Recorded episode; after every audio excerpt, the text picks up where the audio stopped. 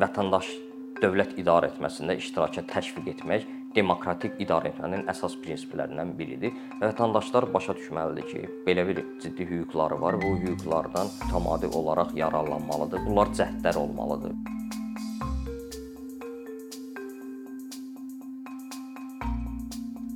Vətəndaşların qanunvericilik təşəbbüsü hüququndan çıxış etmək onların konstitusion hüququdur və iştirakçı demokratiyanın ictimai iştirakçılığının bir formasıdır.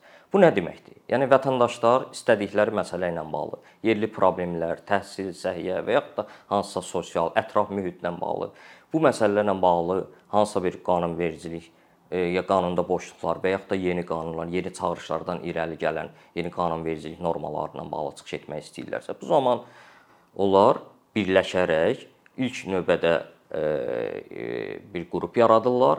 Bu qruplar sonra imza toplayır və 40 min e, vətəndaşın sonradan imzası ilə bu qanunvericilik aktı təqdim olunur parlamentə. Təbii ki, burada prosedurlar var, MSK tə, təsdiq eləyir və s.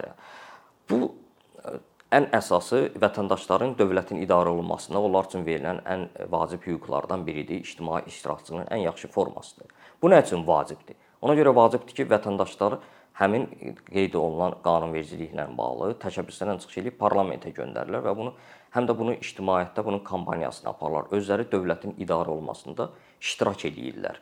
Yəni hansısa bir yerli problemlərlə bağlı, hansısa bir e, tutaq ki, bələdiyyə problemlərlə bağlı, ətraf mühitlə bağlı, iqlim dəyişikliyinə bağlı, təhsildə olan bir problemlə bağlı, səhiyyədə olan bir çatışmamazlıqlarla bağlı e, qanunvericilik hazırlayırlar və bunu təqdim edirlər parlamentə. Bu vətəndaşlara üçün verilən ən əsası bir hüquqdur, ictimai iştirakçılığın bir formasıdır. Bəs yaxşı, ictimai iştirakçılıq nədir? Bax bu ictimai iştirakçılıq da demokratik idarə etmənin bir formasıdır və vətəndaşları dövlət idarə etməsində təşviq etməkdir. Bizdə məsəl üçün e, vətəndaşlar bəzən elə gəlir ki, dövlət e, başqadır və onlar dövlətin e, təsdiq etdiyi, yəni qanunvericilik orqanının qəbul etdiyi qanunları icra etməlidir və yaxud hansısa təlimatları icra etməlidir və bunlar yalnız icraçı e, e, qismində iştirak eləyirlər. Amma əslində vətəndaş özü bilməlidir ki, onların da bu prosesdə iştirakçılığı birbaşa hüququ var. Yəni yalnız seçdikləri deputatlar vasitəsilə yox, e, o cümlədən seçdikləri prezidentin təlimatları və yaxud da Nazirlər Kabineti yox, özləri də bu prosesdə iştirak edə bilərlər. Məsəl üçün yerli şəhərlərin və yaxud da şəhərin idarə olunmasında iştirak eləyə bilərlər.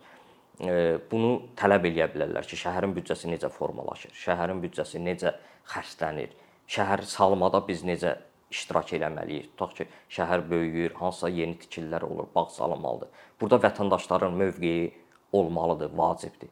Bizim vətəndaşlar bunları bu saatda çox az məlumatlıdır, amma ən vacib məsələlərdən biri budur ki, vətəndaşların belə bir hüquqları var ki, vətəndaşlar bütün bu prosesdə iştirak etməlidir və dövlət də bunların bu hüququnu tanımalıdır. Necə ki, qanunvericilər bu təsdiqini tapıb həm qanunvericilik təşəbbüsündən, həm də ictimai iştirakçılığın digər formalarından bağlı. Tutaq ki, e, imza kampaniyaları var, ictimai birliklərdə iştirakçılar var, həmkarlar ittifaqında iştiraklar var. Və bunlar hamısı o prosesin bir formasıdır. O cümlədən qanunvericilik təşəbbüsü hüququndan çıxış etmək, bunu parlamentə göndərmək bunun e, təşviqi üçün ictimai kampaniya aparmaq və yekunda bu proseslə bağlı e, e, baş verən hadisənin qanunda olan boşluğun və yaxud da çatışmamazlığın aradan qaldırılmasına nail olmaq.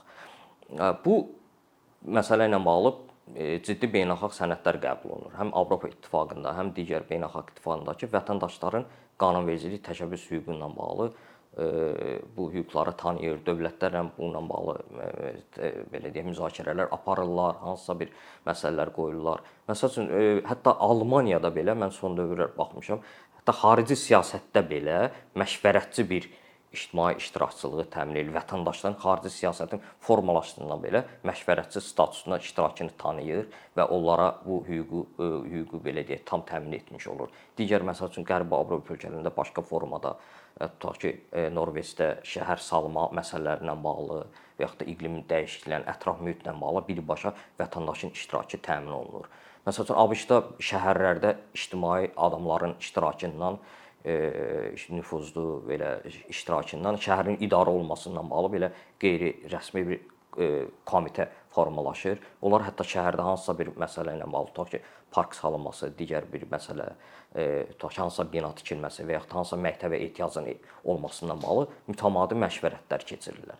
O cümlədən digər fundamental hüquqlarla bağlı, tutaq ki, seçki hüququ, siyasi hüquqlar, toplaşma hüququ ilə bağlı, birləşmə hüququ ilə bağlı vətəndaşlar o hüquqlardan qanunların ona verdiyi imkanlardan istifadə etməklə, yəni ictimai iştirakçılıqdan istifadə etməklə o hüquqlardan yararlanırlar və o hüquqlarını dövlətlə birgə həyata keçirirlər.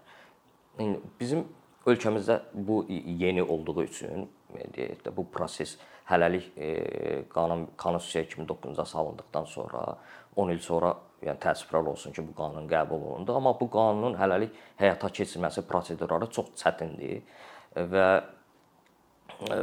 onun onun üçün böyük maliyyə, böyük şəbəkə, böyük auditoriyaya ehtiyac var.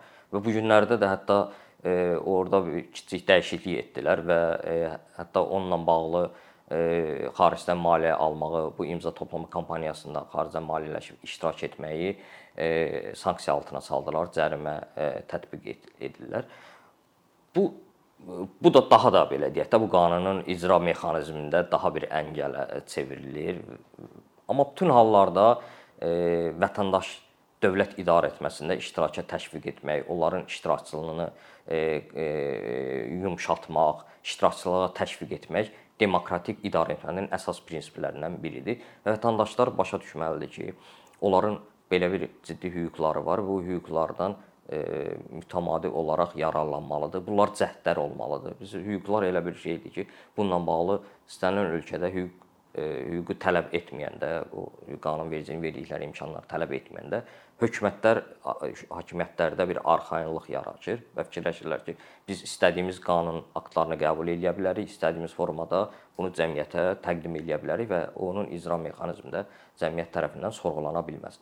Amma demokratik idarə etmənin, demokratiyanın da adından görüldüyü kimi, xalqın idarə etməsinin əsas E, göstəricisi odur ki, indikator vətəndaşlar bu prosesdə iştirak eləyirlər, öz hüquqlarını realizə eləyirlər və e, mütəmadi olaraq bu ictimai iştirakçılıqla e, istifadə edərək, o cümlədən qanunvericilik təşəbbüsündən istifadə edərək hökumətlə əməkdaşlıqda çıxış eləyirlər, hökumətə sorğular göndərirlər, təkliflər göndərirlər, o cümlədən qanunvericilik təşəbbüsündən çıxış eləyirlər.